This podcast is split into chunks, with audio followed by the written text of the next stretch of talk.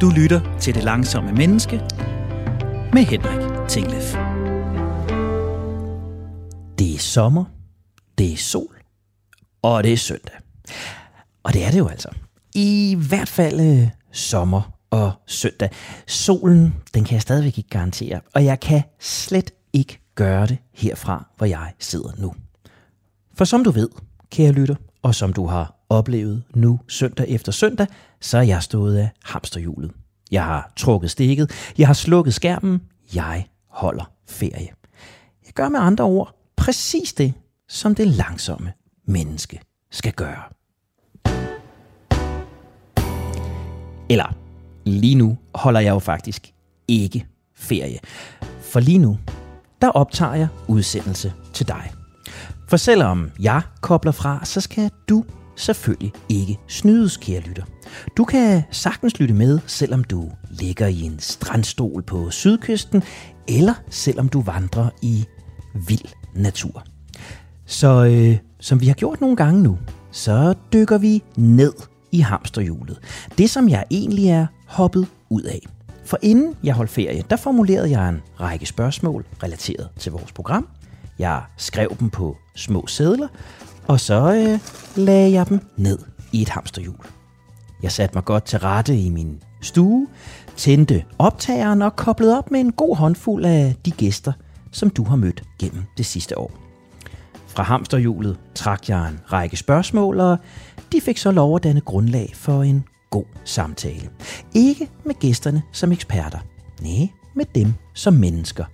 Langsomlighedsfan og langsomlighedsfan imellem. Samtalen, du skal høre i dag, den er med tidscoach, underviser og forfatter Trine Kolding. Velkommen til, Trine, og øh, velkommen indenfor i min stue. Tusind tak skal du have. og tak, fordi jeg må komme ind på øh, dit arbejdsværelse, eller, eller hvor det er, jeg er blevet inviteret indenfor. Jeg kan se en masse gode bøger bag ved dig, så, øh, så hvis jeg bliver fjern undervejs, så er det fordi, jeg sidder og kigger efter, hvad, hvilke titler øh, jeg skal have kastet mig over her i sommerferien. Ja. Trine, du er jo gået med til at, øh, at hoppe ned i hamsterhjulet. Ja. Du er gået med til at svare på en række spørgsmål relateret til vores program, og øh, altså, der er jo sådan set ikke andet at gøre, end at vi bare øh, spinder hjulet og ser, hvad der kommer frem. Lad os gøre det. Vi øh, kører en gang her, og, øh, og, og Trine kan bevidne, at det er et reelt hamsterhjul, jeg sidder med. Det er turkis. Det er det. Blot, ja. blot hamsterhjul. Ja, lige præcis. Nå, Trine. Første spørgsmål, det er faktisk et, vi ikke har haft så tit øh, i øh, sommerudsendelserne her, så, øh, så det er godt. Det starter lidt på den svære side, Trine. Det hedder, hvad er din værste vane? Jamen, så, så er vi ligesom i gang, ikke? Jo, det er vi. Hvor er det godt. Altså lad os starte med det sværeste først. Øh, og så skal jeg jo til at prioritere, fordi jeg har jo helt sikkert mere end en. Ja. Øhm, men det, der lige først popper op, det er faktisk zombie-scrolling. Øhm, det er et øh, begreb, jeg selv stødte på for et lille års tid siden. Jeg var i gang med at researche til en ny bog, jeg har skrevet omkring fokus. Og jeg sidder en aften i lænestolen med min telefon og øh, læser nyheder. Og øh, jeg har været sådan lidt fortabt i det åbenbart, fordi lige pludselig så kigger min mand over på mig, og så siger han, ej skat, du sidder altså zombie-scroller, og jeg har aldrig hørt ordet før. Så jeg var sådan lidt, zombie hvad? Zombie-scroller, og det betyder altså, når man sidder i lang tid fuldstændig formålsløst og bare scroller i feeds og nyheder og hvad man nu kan finde på.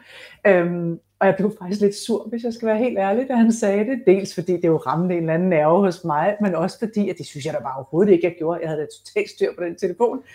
Og så gik jeg sådan og tænkte over det et par dage, og måtte jo bare erkende, at det gør jeg faktisk. Øhm, og det var sådan en ting, jeg fandt ud af faktisk også, da jeg researchede på bogen, øh, fordi jeg skulle skrive om digitale distraktioner. Og, øh, og hvis jeg nu skal være helt ærlig, så gik jeg faktisk og pudsede min glorie en lille smule, fordi jeg er ikke særlig meget på de sociale medier, så jeg tænkte, det problem har jeg slet ikke, men jeg kan da godt skrive lidt om det for andre. Indtil jeg opdagede, at der er sådan en lille digital sladderhang på telefonen, der fortæller en præcis, hvor meget tid man bruger øh, på forskellige hjemmesider, apps osv. Og, og der må jeg sgu indrømme, jeg fik lidt et chok og fandt ud af, at jeg faktisk er en nyhedsjunkie, og det kom virkelig bag på mig. Altså der måtte jeg virkelig kigge dybt ind af og øh, kigge mine egne vaner lidt nærmere efter i søvnene, så det... Øh, det gav anledning til nogle øh, vanemæssige forandringer, lad mig sige det sådan. Ja. Jamen, det, det, jeg, har, jeg, har, jeg har faktisk ikke... Øh, jeg, har, jeg har godt hørt udtrykket, men, men jeg har ikke sådan øh, beskæftiget mig med det på den måde. Men når du beskriver det her, kan jeg godt mm. se, det kender jeg godt. Altså, og jeg, og når, du, når du siger det, så tænker jeg, at der, hvor jeg bliver fanget, jeg er blevet, øh, helt ærligt, jeg er blevet fanget af den der Reels-funktion, der er kommet på Instagram, som, som jo, det er jo virkelig en TikTok i Instagram, det er små, korte videoer, hvor du simpelthen bare som en anden idiot sidder og swiper ja. op, og så får du bare alle mulige mærkelige indtryk, og det, og det, det, ja. det er kun tåbeligheder. Altså, det er folk, der tager vandmeloner på hovedet, og øh, øh, øh, klæder deres katte ud i sandwichbrød, og alt muligt andet. Men jeg kan tage mig i, at der kan gå 20, 25, 30 ja. minutter, hvor jeg vidderligt ikke har lavet andet end at se folk med vandmeloner på hovedet, og, og, og katte, der har siddet i klemme, og, øh, øh, og så er der sådan nogle, øh, så blev jeg grebet af en eller anden, øh, øh, sådan en, en uh, sailor song, et eller andet, uh, The Once There Was a Ship That Went to Sea, og sådan noget. Og, og når man så har set den, så får man jo alle dem, der minder om ja, dem. Så pludselig i dag sad jeg jo ikke og så andet end folk, der opførte den der sang. Nej, hvor er det idiotisk, mand. Men, men jeg, blev jo, jeg blev jo grebet af det på en eller anden måde. Ja. Så skulle jeg også lige se dem der, der dansede til, ja. og så skulle jeg lige se dem der, der gjorde det med en sjov trøje på. Og sådan. Ej, ja. hvor er det idiotisk, altså. Ja. ja. Men det sjove er jo, øh, altså det der med, når man får øje på det, og lige pludselig bliver opmærksom på sin egen adfærd, og kan se sig selv sådan lidt udefra, Øhm, altså, det, det, det, er virkelig, det var virkelig en øjenåbner for mig. Ja. Også den der umiddelbare reaktion, hvor jeg først bliver sur på min mand og synes, han er en idiot. Ikke? Altså, og så går jeg og tænker lidt over det, og så må jeg jo bare vende blikket ind og sige, det er vist mig, der er en idiot her. Ikke? Øhm, men altså, man kan sige, på den positive side, så har det jo så medført, altså da jeg så fik det der chok over, hvor utrolig meget tid jeg bruger på nyheder, og jeg bliver fanget, jeg bliver nok mere fanget ind af de der øh, clickbait-overskrifter. Ja. Altså fordi, at, at det, det er jo virkelig en pinlig ting, jeg måtte indrømme, men der var faktisk en journalist for politikken, der fik hivet det ud af mig på et tidspunkt, hvor altså de jeg har simpelthen måttet blokere for nogle bestemte nyhedssites, og det er jo virkelig ikke særlig lødigt at sige, men det er jo BT, det er Ekstrablad, det er Se og Hør, det er den dur. Ja. Øhm, og, og jeg må bare tilstå, at jeg, jeg er en af dem der, der bliver fanget i de der clickbait-overskrifter, og tænker, jeg er nødt til at lige at læse det, og det er jo som regel altså alt muligt, øh, du ved, vold og død og ødelæggelse, og det er så negativt det hele. Ja. Og så gik det op for mig sådan en mærkelig meta-overbevisning om, at jeg var nødt til lige at læse alle nyhederne, inden jeg kunne lægge telefonen fra mig. Fuldstændig idiotisk, når jeg tænker over det nu. Men det var bare den bane, jeg blev fanget ind i. Fordi så, når du har læst en artikel, så kommer der jo tre lignende nedenunder. Så skulle jeg, jeg var nødt til lige at tømme den der nyhedssite for nyheder. Det er jo virkelig, ja, skingerne vanvittigt, når jeg siger det højt. Men det blev jeg bare fanget ind i, og, og det endte faktisk med, at jeg fik installeret en app på min telefon. Den har jeg stadigvæk, der hedder Stay Focused, hvor jeg simpelthen har blokeret adgang til udvalgte hjemmesider. Og på den gode side, øhm, og det tænker jeg måske nogle lytter også kan finde lidt inspiration i, jeg sparer faktisk, hvad der minder om en time hver dag på ikke at sidde og, og, og drukne de her nyheder. Og måske endnu vigtigere, så kan jeg simpelthen mærke det på mit humør, fordi jeg aldrig nogensinde siddet og læst nyheder på de her nyhedssites, og bagefter tænkt, yummy, hvor var det lækkert, hvor er mit liv bare blevet bedre af at læse nyheder i en time på de her sites. Så jeg kan faktisk mærke det også, at jeg, altså, jeg er bare i bedre humør, og det er jo ret fedt et eller andet sted, der ikke skal mere til end det, at man både kan spare tid og, og, og, og blive i bedre humør. Ikke? Men, men det er jo, altså, det sjove er med den her app, at jeg jo indimellem, hvis jeg lige søger på et eller andet, så kan der jo godt dukke et link op, som henviser til et af de her sites, uden jeg lige lægger mærke til det. Når jeg så trykker på det, så kommer der lige sådan en reminder op. Husk nu, du faktisk har valgt, at du skal gøre alt det, og det er godt for dig. så, så det minder mig jo faktisk bare til stadighed om, at jeg bliver nødt til at have de her foranstaltninger, for ellers så hopper jeg direkte ned i suppedagen igen. Ikke? Ja. Og så synes jeg jo, at der ligger noget i den snak, vi har her, som, som på en eller anden måde går på tværs af hele det her projekt, jeg har været igennem det, det seneste år med at, at, at lære mig nogle nye færdigheder i forhold til langsomlighed. Altså, at der er en fase, vi skal igennem, hvor vi er nødt til at erkende, at vi har en uhensigtsmæssig vane, eller ja. endnu værre, at vi gør, vi gør selv det, som vi betragter hos alle andre, og siger, hvor er det idiotisk. Ikke? Altså, den ja. har jeg godt nok stået med mange gange det, det sidste år, om det så har handlet om de øh, tidsfokus-ting, jeg har lavet med dig, eller det har handlet om, hvordan jeg har spist, eller hvordan jeg har sovet, eller hvor jeg har haft min mobiltelefon, eller hvordan jeg har trænet, eller hvad det nu har været.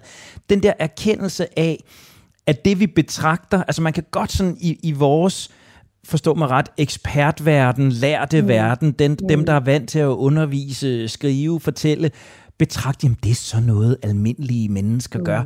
Mm. Men, men, men hey, vi er mega, mega almindelige mennesker, og vi falder ja. mega meget i øh, alle ja. sammen, og din hjerne og min hjerne fungerer fuldstændig som alle andre hjerner, og bliver Præcis. lige så draget af det der nyhedsflow, eller lige så ja. draget af det der so flow og vi skal den der erkendelse igennem af, altså, eller benægtelse i virkeligheden, ikke? Nej, det er i hvert fald ikke det, jeg gør. Jo, mm. det er eddermane med det, jeg gør. Ja, øh, ja præcis. Og, og, og, og jeg kan huske det, da, da, da jeg sådan de der par gange, jeg har arbejdet med mad, altså virkelig har skulle erkende, hvor sjældent jeg satte mig ned og spiste rigtigt.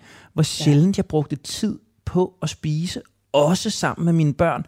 Ja. Nej, den gjorde ondt, altså. Øh, ja. øh, og det tror jeg i virkeligheden, altså, det er, sådan, det er det flag, jeg i hvert fald gerne vil flage med, når vi snakker om det her med, at, at, at altså, skal vi ændre, så skal vi forbi en eller anden øh, ubehagsfase, hvor vi er nødt til at, nu ved jeg ikke, om man må citere Michael Jackson i disse tider, men der er noget med the man in the mirror, ikke? Altså, mm. øh, der er noget med den der, det der ubehagelige kig på sig selv, som vi er nødt ja. til at tage.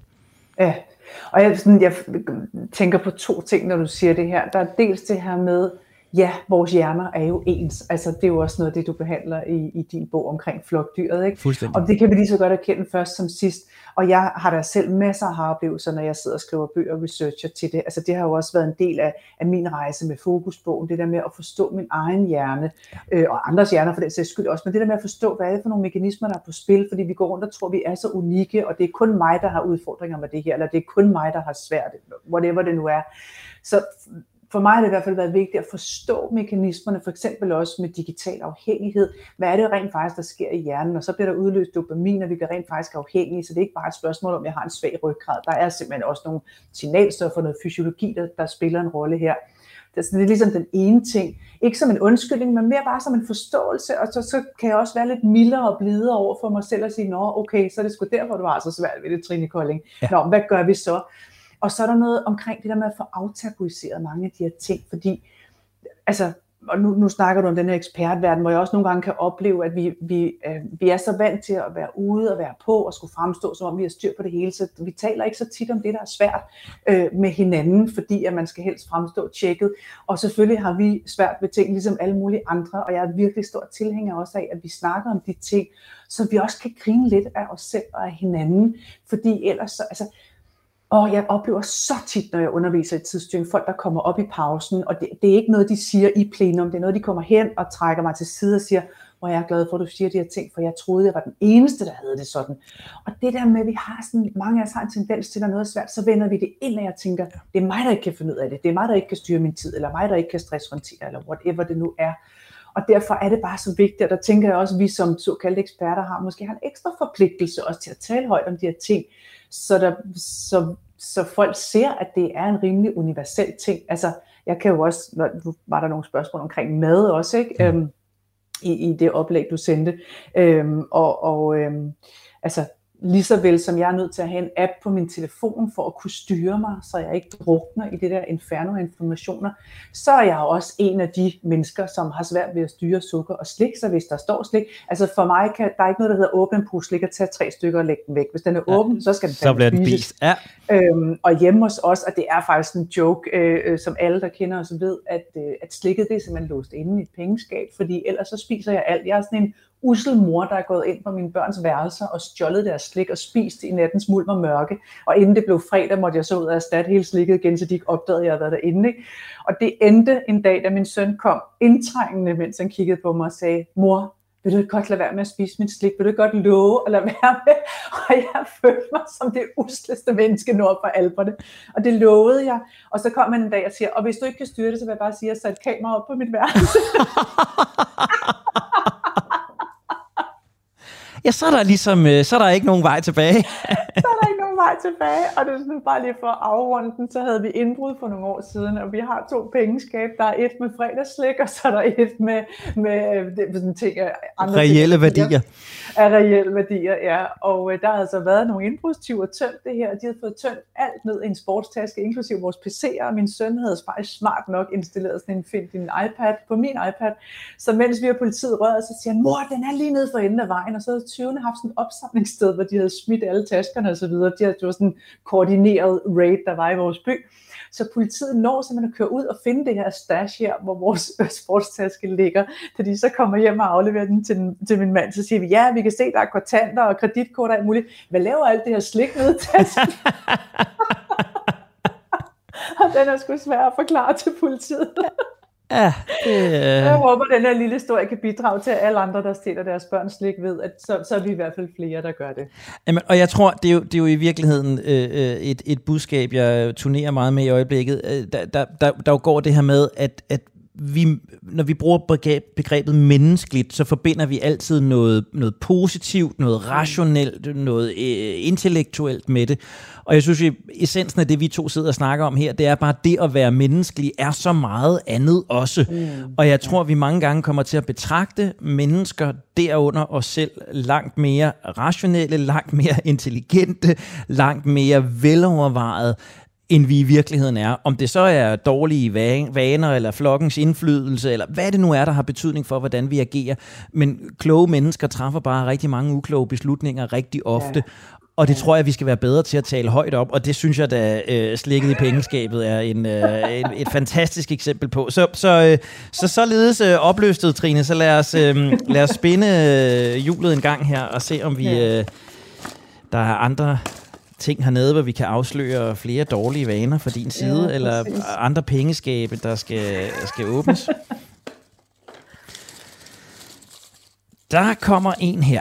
Jamen, den er jo øh, den er højaktuel, fordi det er, jo, øh, det er jo det, vi alle sammen øh, står i øh, lige nu. Den hedder, hvordan balancerer du arbejde versus fritid, eller måske i virkeligheden i endnu højere grad i øjeblikket ferie. Så, så mm. er du... Øh, jeg arbejder, når jeg arbejder, jeg holder fri, når jeg holder fri-typen, eller er du, øh, jeg flexer ind og ud af det typen, eller øh, hvor står du for at finde den der balance mellem at være på og holde fri? Mm, det er et rigtig godt spørgsmål.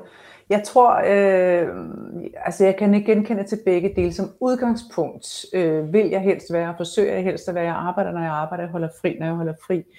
Øhm, altså med mit job er jeg jo privilegeret på den måde, at der er jo ikke nogen, der booker kurser i, i skolernes ferie. Så jeg har faktisk, øh, siden mine børn var små, de er 16 nu, øhm, der har jeg faktisk holdt alle skoleferier. Øh, altså konsekvent den lange sommerferie, alt hvad der ligesom ligger in between, øh, og været derhjemme øh, sammen med, med, med ungerne. Og især da de var små, altså der var ikke noget, der hedder arbejde, når man har tvillinger, øh, der er på hele tiden. Nej. Så det gav lidt sig selv. Altså, og så som selvstændig, så, så kan der selvfølgelig være situationer, hvor man kan være nødt til lige at tjekke ind, øh, logge ind og lige læse nogle mails, men men jeg ved af erfaring, og det er jo bare måden min hjerne fungerer på, at jeg meget hurtigt ryger ind i det der mentale arbejdsmode, så, så jeg ved også, at jeg helt klart fungerer bedst, hvis jeg forsøger at have så vandtætte skodder som muligt. Så det forsøger jeg som udgangspunkt, og det står på min hjemmeside, jeg holder ferie fra det til det, og der er auto-reply og telefonsvar osv., så, så der er sådan en helt klar kommunikation og forventningsafstemning omkring det, og jeg svarer ikke mails i ferien. Altså det kan allerhøjst være tale om, du ved, hvis min hjemmeside bryder ned, at så bliver jeg selvfølgelig nødt til at få fikset den, ikke? Men, altså, men det holder jeg egentlig rimelig stejl på. Og, og, og det er der også en anden grund til, og det er simpelthen fordi, at når jeg underviser tidsstyring og skriver bøger om det, så synes jeg personligt også, at jeg har måske en ekstra forpligtelse ja. til at gå forrest og vise, at det godt kan lade sig gøre, at man godt kan have et karrierejob og krævende job og alt muligt andet, og samtidig også holde ferie og, og holde fri. Ikke? Ja. Øhm, så det, for, det forsøger jeg i den grad at gøre. Og jeg har faktisk også for nylig, jeg havde i, i mange år sådan en uh, dual-telefon, hvor jeg havde to SIM-kort i, øh, så jeg havde det hele samlet på en. Men jeg må også bare konstatere, at det var fornemt det der med, når det så var aften eller weekend, og så tikkede der lige et eller andet ind, og så skulle jeg lige tjekke, hvad det var. Og det er igen også det der med at kende, hvor, hvor er det, man har sine svagheder. Så jeg har faktisk for ikke så længe siden gået tilbage til at have en arbejdstelefon og en privat telefon, og slukker arbejdstelefonen, lægger den i skuffen. Øhm, og jeg ved, at der er andre, der meget nemmere kan, kan jonglere de der to verdener og hoppe ind og ud, og, og det er jo super fint og, og fedt for dem. Det kan jeg ikke så godt, så derfor bliver jeg nødt til at tage nogle forholdsregler. Og jeg har faktisk også, altså jeg blev faktisk selvstændig for 18 år siden, øh, med det erklærede mål at gå tilbage til en normal arbejdstid, fordi ja. jeg arbejdede rigtig mange timer i mit tidligere job, og det fungerede ikke super godt for mig. Så det var faktisk min primære motivation for at blive selvstændig, det var, at jeg selv kunne styre min tid. Øh, så det forsøger jeg virkelig at, at holde fast i. Ikke? Altså, jeg, jeg, jeg, jeg er selv meget splittet på det der, og kan ikke, kan, mm. kan ikke rigtig finde ud af, øh, jeg synes, det er meget forskelligt, hvordan jeg fungerer i det.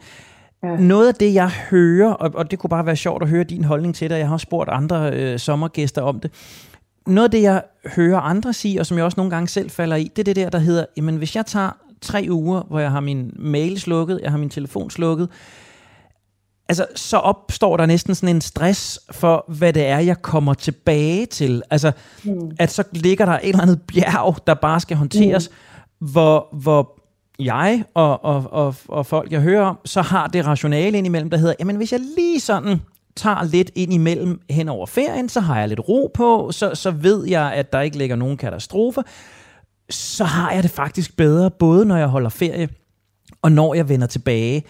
Altså, det er jo i virkeligheden lidt din faglighed, jeg spørger til her, lige så meget som mm, det er din mm. personlige mm. holdning. Altså, hvad siger vi til sådan noget, Trine? Fordi i, i mit hoved giver begge dele mening. Nej, vi skal saftsus ja. med holde fri, og har jeg lige brugt 20 minutter, det er jo ikke de 20 minutter. Jeg tænker jo også på det resten af dagen. Og ja, Men jeg kender også den der oplevelse af, åh, så ved jeg, at der er styr på det, og så ja. er det ikke mandag i uge 32. Ah, nu vælter det ja. hele. Hvad, hvad tænker du? Øhm, jamen, det er jo, i virkeligheden er det jo fuldstændig spot on i forhold til det dilemma, vi alle sammen har hele tiden. Også i forhold til weekender, skal man holde fri det, eller skal man lige, øh, skal man lige være lidt på forkant. Øhm, så, så, så det er både min faglige holdning, men det er også lidt min personlige holdning og erfaring det her, at jeg forstår så udmærket rationalet, men min erfaring er, at mails avler mails. Så hvis jeg kigger på, fordi jeg har jo også prøvet det der med så i nogle ferier at hoppe lidt ind og ud og sådan noget, hvis der har været, der kan være noget med en bogudgivelse, der lige er timet på en lidt uheldig måde, så jeg bliver nødt til at være på osv. Men det jeg bare kan se, det er, når folk ved, at jeg er der, at besvare mails, så afføder det flere mails. Altså lige så snart jeg svarer tilbage på en mail, så kommer der jo en ny tilbage med et nyt spørgsmål eller et eller andet andet. Så jeg vil sige, hvis jeg sådan stiller det meget firkantet op og siger, øh, tre uger, hvor jeg holder fuldstændig ferie, holder mig væk fra mailen, hvor mange er der så efterfølgende versus øh, ind og ud, så vil den samlede mængde af mails blive større, hvis jeg er lidt på hele tiden. Så jeg, mm, jeg forstår godt ideen om, at det hober sig op, for det er jo den følelse, vi har, men jeg er ikke sikker på, at det hober sig så meget op, som det gør inde i vores hoved. Kan du følge mig? Altså rent fysisk. Jamen det giver super god mening.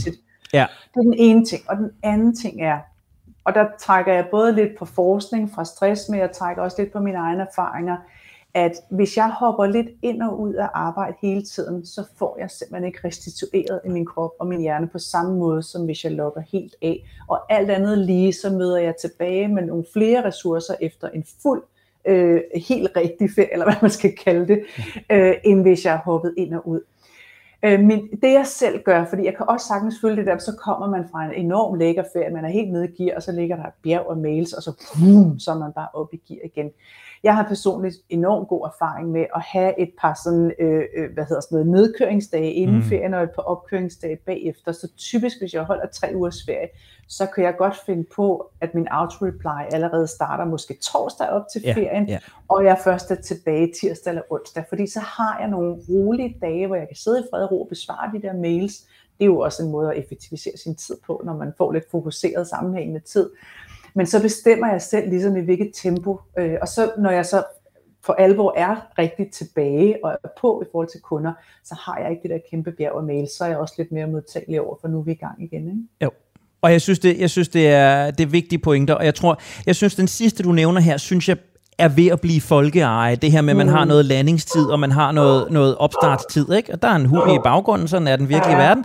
Øh, øh, det er heldigvis ved at blive folkeeje, og, og det, det, det tror jeg er en rigtig god strategi, og en, en, en, en meget anbefalesværdig strategi. Så synes jeg, at din pointe, øh, øh, din første pointe, som jo i virkeligheden er, at vi skaber et selvopfyldende profeti. Altså, mm. mails avler mails. Jeg har faktisk ikke tænkt på det på den måde, men det er fuldstændig rigtigt hvis man lige får svaret, jamen, så kommer der også noget retur, og, mm. øh, og det vil sige, det billede, man får skabt af, hvor meget der ligger og venter på en, når man vender tilbage, det er falsk, fordi man har selv været med til at opbygge det, man har selv været med ja. til at skabe det. Øh, øh, og, og jeg synes også, jeg, jeg, jeg begynder at lykkes med det med, med sommerferien, jeg har faktisk gjort det i nogle år nu, lykkes jeg med det med sommerferien. Jeg er dårlig til det med de, med de korte ferier, for så har jeg også en idé om, at det er nærmest lige meget, og så kan jeg lige, mm. og, og sådan noget. Men, men jeg tænker, øh, argumentet om, at mails avler mails, øh, det skal være det, der er afslutningen på øh, første halvleg. Det er det, vi skal give øh, primært videre til, øh, til lytterne. Nu har vi fået afsløret Trines øh, dårlige slikvaner, øh, men til gengæld har vi så fået lært en god vane, eller i hvert fald en god rettesnur om, at mails avler mails. Du har ørerne i Radio 4. Programmet, du bruger lidt af din sommer på, er Det Langsomme Menneske. Mit navn er Henrik Tinglef, og sammen med tidscoach, underviser, forfatter og meget mere, Trine Kolding, der er jeg stået af hamsterhjulet, og så er jeg hoppet ned i et helt ægte et af slagsen, med masser af gode langsomlighedsspørgsmål. Og øh, Trine og jeg har været omkring øh, slik i øh, pengeskabe, vi har været omkring mails, der øh, afler endnu flere mails, selvopfyldende ferieprofetier, og øh, nu spænder jeg hjulet en gang mere, Trine, og så, øh, så ser vi, hvad det, øh, hvad det kommer frem med af næste spørgsmål her. Den der. De er snart ved at være godt krøllet, de her øh, sædler. De har været foldet ind og ud øh, mange gange. Det er et meget bredt øh, spørgsmål, men, øh, men virkelig en parameter, vi ikke rigtig har været inde på øh, i den her udsendelse nu. Det hedder ganske kort. Trine, hvordan finder du ro? Uh, det er et godt spørgsmål. Ja. Altså, det gør jeg i virkeligheden både mange steder og på mange forskellige måder. Altså naturen er altid et godt go-to-sted for mig. Der er sådan noget med at komme ud og få, altså, og der lader jeg altid telefonen blive hjemme. Der er noget med sådan, der er noget med at få trukket vejret helt ned i, øh, i bunden af lungerne og få frisk natur ind, og der er simpelthen noget grounding i at, at komme ud i naturen. Jeg læste en sindssygt spændende artikel for nylig omkring skovbade faktisk. Mm, det har vi jo lavet programmer. Ja. Okay, herligt. Øhm, og, og, og hvor meget godt det faktisk gør. Og jeg er så utrolig privilegeret at have et kæmpestort rekreativt område i min baghave. Altså den ene hektar efter den anden med skov og søer og alt muligt. Så sådan en daglig lang gåtur med hunden derude, det, det kan bare noget. Øh, jeg finder også ro hjemme, og så bruger jeg meditation meget aktivt faktisk til at finde ro, fordi Øhm, jeg er sådan en af de der mennesker, der er født med rigtig mange ord i mig. Altså, der er både, både mange ord, der kommer ud af min mund, og der er mange ord oppe i mit hoved, og den, den står sgu sjældent stille. Altså, øh, og og det, det er jo både på godt og ondt, øh, fordi at når man er vant til at køre et højt tempo og hele tiden være i gang, så kan det næsten føles sådan fysisk ubehageligt at sætte tempoet ned. Og der har jeg fundet ud af, at, øh, at det her med at have en, en fast daglig vane omkring meditation øh, er, er helt fantastisk. Altså det er sådan, jeg er helt i virkeligheden mindblown over, hvor meget det kan, især da jeg begyndte at gøre det hver dag. Øhm, jeg har haft rigtig gode erfaringer med, at jeg bruger en app til det, øh, og hvor den så holder øje med, hvor lang tid man mediterer, og så lige nu kører jeg en streak, øh, og, og, og igen, det er jo også det der med at kende sig selv, altså, det der, altså jeg er sådan en, der, der åbenbart skal have et konkurrenceelement altså måden jeg kom i gang med at meditere, nu har jeg gjort det i snart halvandet år, og det startede egentlig med sådan en, øh, en challenge under corona med, med øh, en, øh, en, en god kollega, Øhm, og hvor det bare, fordi jeg har faktisk forsøgt i overvis at få gang i sådan en meditationspraksis, og jeg tager på retreats og alt muligt, og det er fantastisk, men så er det skidesvært at holde fast i, når jeg kommer hjem i dagligdagen. Ikke? Og der er også noget med det der med, at jeg har ikke tid til at meditere, jeg falder lige direkte i selv, jeg har ikke tid til at meditere, hvad er det for noget forbandet sludder, ikke? Men, men det, og så er det også noget med at gå fra at have super travlt, og så, eller i hvert fald have, have fart på, og så til at, at, at komme ned i det langsomme tempo. Men jeg må bare konstatere, at det betød så meget for mig at vinde den her challenge, og være den første første og, og så videre. Så det, det fik simpelthen fastholdt mig. Nu har vi ikke challenge længere, så nu kører jeg bare en streak med mig selv. Men det betyder sindssygt meget for mig hver eneste dag, når jeg trykker på done-knappen, at så kører den lige, du ved, så kan jeg se, når nu er jeg oppe på så så mange hundrede dage. Ikke? Og det ved jeg godt ikke alle, der har brug for det, men hvis man er sådan indrettet, så er det jo bare noget med at finde ud af, okay, nå, hvad, hvad holder mig til ilden? Ikke? Og, og der er altså det fede ved at have kørt den praksis nu i så længe er, at nu er det jo simpelthen indarbejdet som en fysisk betinget refleks, så hvor jeg før skulle bruge ret lang tid på at komme helt ned til tempo og være og alt det her, så oplever jeg nu, der går ikke mere end to-tre minutter, så kan jeg mærke, at roen falder på sig. Øhm, og, og noget af det virkelig fede, synes jeg ved det, er også, hvordan jeg kan bruge det ind i mit arbejde også. Altså der er simpelthen beslutninger, der er nemmere at tage, når jeg har lige sat mig og, og mediteret 20 minutter først. Ikke? Og jeg får ligesom taget tempoet ud af mange ting. Altså det er klart den bedste måde at, at starte dagen på for mig. Gud, hvor, og, og det, det er jo, nu holder vi åben redaktionsmøde her, øh, for, eller redaktionsmøde for åben mikrofon.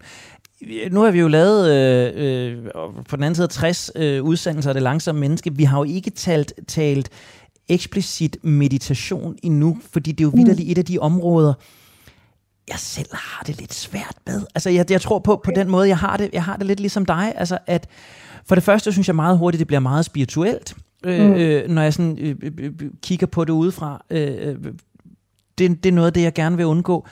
Mm. For det andet, så, så altså bare det, jeg har forsøgt at arbejde med åndedræt og sådan noget, er det er svært. Altså netop det der med, fordi jeg har det jo som dig, der, jeg, der er også mange ord i mig, ved, ved, ved lytteren vide, øh, både på, i tale og på skrift og inde i hovedet og ud af ørerne og alt muligt andet.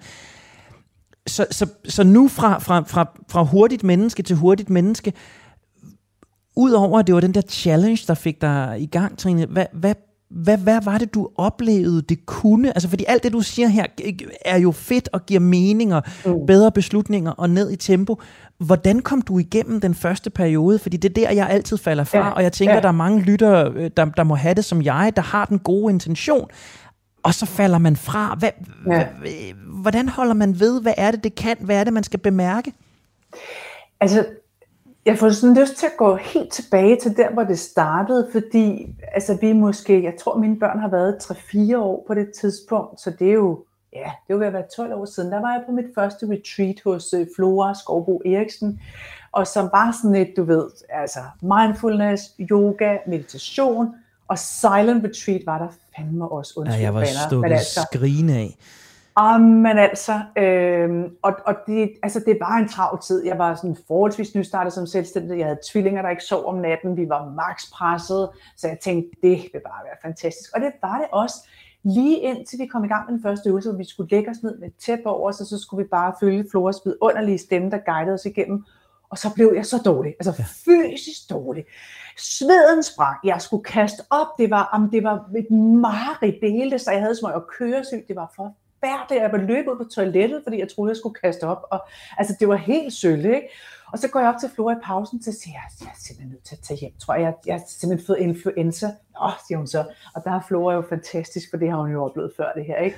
Jeg prøver lige at fortælle lidt om, hvordan det føles, og jeg forklarer jo også, hvor jeg var det dårligt. Og så smiler hun jo bare sødt, så siger hun, ved du hvad, jeg tror ikke, du er ved at blive syg. Jeg tror bare, du er vant til at have sindssygt travlt, og nu oplever du, hvor stor en kontrast det er at sætte tempoet ned. Det er helt almindeligt. Det er bare din krop og hjerne, der siger, wow, hvad sker der her? Ikke? Og det var bare sådan en, jeg siger det, fordi for mig selv var det virkelig en chokoplevelse. Altså, at det fysisk var så svært for mig at sætte tempoet ned. Ikke? Ja. Det endte med at være fantastisk retreat. Det var også virkelig interessant at prøve et silent retreat. Altså for sådan en som mig, der altid snart, det var kun om aftenen, vi skulle være, så var det jo heller ikke værre, vel? Altså, det var så grænseoverskridende og så fantastisk. Og så kom jeg hjem med alle de der gode intentioner om, at nu skulle jeg dele mig i gang med både at lave yoga og alt muligt andet, og så skete der ingen skid. Øhm, så jeg har faktisk været på rigtig mange af de her retreats, og sådan i perioder, det lykkedes mig at fastholde en praksis. Men jeg vil sige, det var faktisk først, da, da jeg fik lavet den der challenge, fordi jeg tror, jeg har tidligere godt, så har jeg kunne holde fast i det to, tre, fire uger, og så er det glædet ud igen. Og jeg tror, det challengen gjorde, var, at det fik fastholdt mig i længere tid. Altså du ved, jeg nåede dertil, hvor det faktisk begyndte at blive en rigtig vane og føles ja. naturligt. Men jeg har også en anden oplevelse, som måske også kan give inspiration til både dig og til lytterne, fordi Øhm, fordi jeg er så meget hovedmenneske, og det tror jeg rigtig mange af os er i yes. dag. Altså vi er jo simpelthen kommet så langt væk fra vores krop, så jeg er vant til at leve mit hoved og ikke mærke min krop. Øhm, så så det var rigtig svært for mig at sidde der og være, og være stille. Så jeg tror, der var to benspænd i det. For det første var det simpelthen så svært at komme ud af mit hoved, og jeg vidste ikke, hvad jeg skulle gøre. Og så havde jeg sådan et, en, en overbevisning om, at jeg måtte ikke have nogen tanker. Ja. Øhm, og jeg troede, at meditation handlede om, at nu må der ikke være nogen tanker. Og det er jo faktisk i virkeligheden det, den største den, det største benspænd, vi laver for os selv, fordi det, meditation handler jo ikke om, at der ikke må være nogen tanker. Det lærte jeg jo så heldigvis, fordi jeg fandt en virkelig god app, som jeg varmt kan anbefale, der hedder Headspace, og han går enormt meget op i at forklare alle, altså fortælle om alle de her forhindringer, vi alle sammen støder på, og som han selv, selvom han har været munk i 10 år, og nu lever det et almindeligt liv, stadigvæk kan, kan opleve svært. Og han siger, selvfølgelig er der tanker. Kunsten er at lade tankerne være, og det er jo det, man mm. øver sig på, når man sidder og mediterer, det er jo, okay, der kom en tanke, jeg behøver ikke at gå ind i den. Det har været det største, den største oplevelse for mig, det har været, også i min dagligdag, hvis der dukker en negativ tanke op, jeg behøver faktisk ikke at beskæftige mig med den. Jeg kan godt parkere den og lave noget andet, og så glemmer jeg den jo. Men det jeg gjorde i starten, øhm, fordi jeg havde så svært ved at sidde der og være stille, og fordi tankerne trængte sig på, så fandt jeg ud af med lidt hjælp fra, fra jeg har sådan haft forskellige øh, øh gode folk omkring mig på de her retreats, der har hjulpet mig at undervise i, hvordan man gør. Der fandt jeg ud af, at guidede kropsmeditationer faktisk var min vej ind i at begynde at meditere. Jeg havde simpelthen brug for at lægge mig ned, og jeg kunne ikke holde ud at sidde og så fik jeg ondt i ryggen, og så fik jeg ondt i skuldrene, og det eneste jeg tænkte på, det var, hvor havde jeg ondt, og hvor var det bare træls det her. Så jeg har, har ligget meget ned i starten, og så har jeg lavet de her øh, afspændinger her med kroppen, fordi jeg bedre kunne forholde mig til at mærke min krop og lave afspænding, end at alt det der op i hovedet, og jeg ikke må tænke. Ja, og en guided kropsmeditation, det er, hvor, hvor ja. man guides øh, øh, af lyd til at fokusere på kropsdel efter kropsdel efter kropsdel, Præcis. på foden, Præcis. på lægen, på knæet, ja. på låret, op gennem. Yes, ja. ja. Og det kunne jeg meget bedre, fordi så havde jeg også et fikspunkt for mine tanker. Så kunne jeg ligesom koncentrere mig om, okay, jeg skal tænke på mit knæ, og selvfølgelig så løber tankerne afsted. Men så er der en, og det har også været min personlige erfaring, at jeg har haft brug for i starten at have også decideret meditation, at have, have nogen, der guidede mig. Fordi det der med bare at sætte mig ned i 20 minutter og meditere on my own, det kunne jeg simpelthen ikke finde ud af. Det var for, det var, det var for komplekst. Så det der med hele tiden at blive mindet om, vend nu lige tilbage til det, vi har gang i her. Og det der med rent faktisk at lære min krop at kende igen, om jeg så må sige, det lyder sådan helt øh, op og løftet, øh, altså mere, mere heldigt skal det ikke være, men det var sådan en følelse af at komme lidt tilbage til min krop og mærke, hvordan den egentlig havde det. Ja. Og det var helt klart min vej, og så ligge ned, så jeg ikke fik ondt nogen steder. Så jeg fik jo stille og roligt gjort mig nogle erfaringer med, hvor fedt det faktisk føltes, når jeg slappede af i kroppen. Og hvor fedt det egentlig var at ligge derned og tage sådan en pause, en powernap på 10, 15-20 minutter, Øhm, og det havde jeg brug for at skabe mig en masse personlige positive erfaringer med, hvor godt det gjorde mig. Fordi det tror jeg også er vigtigt med vaner, at vi hele tiden skal kunne trække på et eller andet med, what's in it for me? Det undervis, ja. Når jeg underviser tidsstyring, starter jeg altid med at spørge folk, hvad savner du mere tid til? Fordi det der med at kunne se, hvad er gulderoden i at arbejde med det her, det er, at jeg kan få mere tid til min familie eller et eller andet. Ja. Så gulderoden for mig har været at kunne mærke min krop, kunne slappe af og, og kunne mærke, alle de gode ting, det gjorde. Så kunne jeg begynde stille og roligt at gå over til egentlige meditationer. Og så har det, der har også været en rejse i at finde den rigtige app, fordi det alle folk, der lytter til lydbøger og til radio for den sags skyld, ved også, at bare var lidt galt med en stemme. Altså, ja, ja, en stemme, så er man væk. Ej, ja, så, så, og jeg fandt, at Headspace, det er sådan en britisk munk, der hedder Andy Podicombe, eller tidligere munk, han har den mest vidunderlige bløde, altså han er bare, altså jeg bliver lidt forelsket i ham hver gang jeg sidder og hører den her. Og så har han humor også, og det har også været vigtigt for mig, det der med, også nu siger du det der med, når det bliver for spirituelt. Præcis. Jeg har fuldstændig haft det på samme måde. Jeg har sådan en virkelig ingeniørvidenskabelig del af min hjerne, yes. som er sådan lidt, ved du hvad, jeg sidder her sgu ikke for at blive et med mit højere selv. Hvis det skulle komme, er det fint, men det var ikke det, der var min motivation. Så, så det, at nogen også kan fortælle mig om videnskaben bag, og hvad der rent faktisk sker inde i min hjerne, det har også været, været godt for mig, vil jeg sige. Ja, men jeg kan godt høre, at øh, det, det er lige før, jeg får lyst til at øh, love lytterne, at jeg nok skal dykke ned i øh, meditation efter øh, sommerferien. Men fordi, jeg, igen, det er en af de her ting, jeg forstår det rationelt, jeg forstår det rationelt godt, yeah. og samtidig ligger det mig meget fjernt. Men, men, men det, det er inspirerende at lytte til det, du siger, fordi jeg kender dig jo godt nok til at vide netop, jamen du tænker øh, meget øh, firkantet på den gode måde, og, og meget praktisk og meget systematisk, og, mm. og har på den måde nok øh, nogle af de samme forbehold, som, som, som jeg tænker, at jeg og mange andre med mig har, øh, mm. og den der barriere i forhold til, jamen, behøver det nu at blive løse hvide gevanter, og, og, og, og skal jeg så også til at blive veganer og alt muligt andet, bare fordi jeg skal ja. meditere? Overdrivelse frem og forståelsen, ja, men, men, men øh, Ja, Ja, men den, den, skal, øh, den, den skal i højere grad på, øh, på bloggen. Det, øh, det kan jeg godt mærke, fordi jeg synes, det er, det er jo et vigtigt spørgsmål, det der med at finde ro. Og jeg tænker, det er jo den underliggende strøm i hele øh, programmets essens her, at det vi jo søger, det er, at vi søger balancen, vi, vi mm. søger roen. Jeg synes, der er mange af de ting, vi har været inde på, der kan være med til at, at skabe det. Men, men at have de der teknikker til også en hverdag, der er ved at stikke af. Sidst vi to talte sammen, talte vi om det her med, med tidsstyring og tidspessimisme, når man, når man virkelig er presset. have det der redskab til at finde noget ro og noget overblik i en ekstrem periode, øh, det tror jeg mange moderne mennesker øh, har, har rigtig meget brug for. Ja, ja.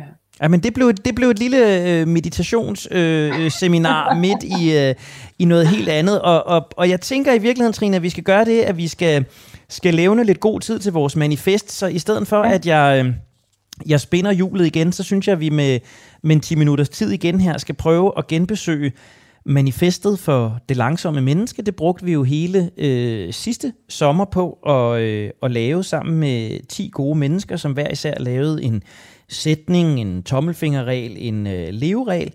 Og ligesom de andre sommergæster, øh, Trine, så har jeg jo bedt dig om at kigge på det og sige, øh, er der en af de her sætninger, som er særlig vigtig for mig, eller som, som jeg vil fokusere på? Er der en, som jeg generelt vil anbefale andre mennesker? Og så kan jeg også godt lide at trække det lidt op på allerøverste niveau og sige, hvad er det, vi som samfund skal, skal fokusere på, hvis vi skal skabe et samfund i, i, i større grad af, apropos øh, balance og, og ro.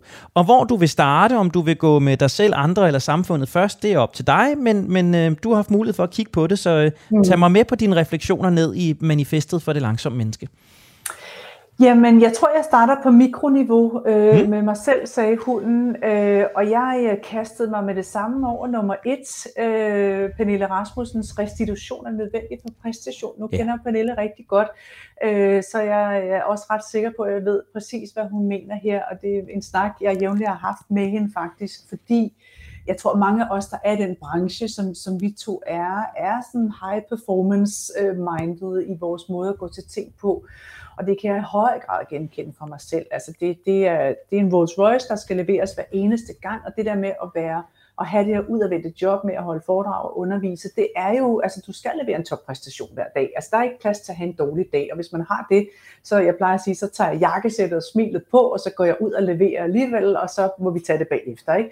Og sådan og, ser og, mange menneskers liv jo ud. Altså, ja, ja, præcis. Øhm, og det er jo der, hvor, hvor altså, og det er jo fint nok, at vi lever på den måde, men men jeg har bare også mærket på min egen krop, hvor sindssygt det vigtigt det er med den der restitution. Ikke? Og det, jeg synes, det er så spændende. Det er noget, der tit dukker op på kurserne også, når vi snakker, fordi tidsstyring er jo også det at styre sin energi.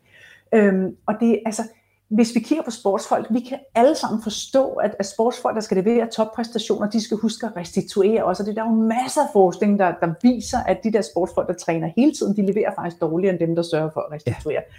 Og, og det, det giver så god mening. Og så er det som om, at vi slet ikke kan overføre det til os selv og til vores egne hjerner. Fordi for mig er det både den kropslige del af restitution, men det er måske i endnu højere grad min hjerne, der skal restituere. Den der forventning om, at vi bare kan mase på og på og på, øh, øh, uden at, at, at tage en pause en gang imellem. Og det har jeg selv mærket på egen krop. Altså jeg havde faktisk... Øh, for nogle år siden, hvor jeg ud af det blå blev syg, altså sådan virkelig, du ved, tabte øh, en masse af mit hår og var træt og skulle sove hele tiden og kunne ingenting. Jeg sov 16 timer i døgnet, og min læge blev ved med at sige til mig, der er ikke noget galt, og træthed er jo ikke en sygdom. Og sådan, ah, det er jo ikke normalt at sove 16 timer i døgnet. Og så af lange omveje endte jeg med at få taget nogle blodprøver, der viste, at jeg havde kyssesyge, hvilket jeg blev vildt overrasket over, fordi det, det troede jeg kun var sådan noget, unge mennesker fik. Der kan man jo så se mit levevidensniveau, men det gjorde jeg i hvert fald, og var faktisk øh, plaget af det i et helt år. Øhm, og, og, øh, og altså, det er jo svært at lukke sådan en virksomhed ned, som jeg har, så jeg gik faktisk ud og underviste, som jeg plejer at gøre. Tog jakkesættet på og, og smilet på, gik ud og underviste, og så lavede jeg ikke andet at sove, når jeg kom hjem. Og det var så provokerende for mig. Det der med, at jeg er vant til altid at have et ekstra gear, jeg kan skrue op for, og så kan vi hvile i weekenden og alt det der. Men, men at miste de der gear fuldstændig, og simpelthen køre på pumperne et helt år, det var så redselsfuldt og så angstprovokerende, og alligevel også så fantastisk, fordi er du sindssygt, jeg lærte på den hårde måde, hvor vigtige pauser er. Ja. Og jeg var i gang med at skrive en bog også i samme ombæring, så det var, altså, der var bare skruet max op. Og det jeg fandt ud af, det var, at de dage, hvor jeg forsøgte at gennemtvinge og sidde og skrive, som jeg plejer at gøre, jamen, det var helt håbløst. For det første var det ikke særlig godt, det jeg skrev, og jeg var fuldstændig kvistet resten af dagen. Og så fandt jeg ud af øh, ved, ved trial and error, at det der faktisk fungerede rigtig godt, det var at skrive sådan en 1 til to timer, gå ind og hvile mig 1 til to timer, tilbage og skrive. Og sådan hvis jeg bare kiggede på det, sådan, ej, men det er jo helt håbløst, jeg bliver jo aldrig færdig med den bog. Men jeg skrev jo meget bedre og meget mere effektivt, øh, og, og fik meget bedre idéer. Så det var en helt anden måde at udnytte min tid på.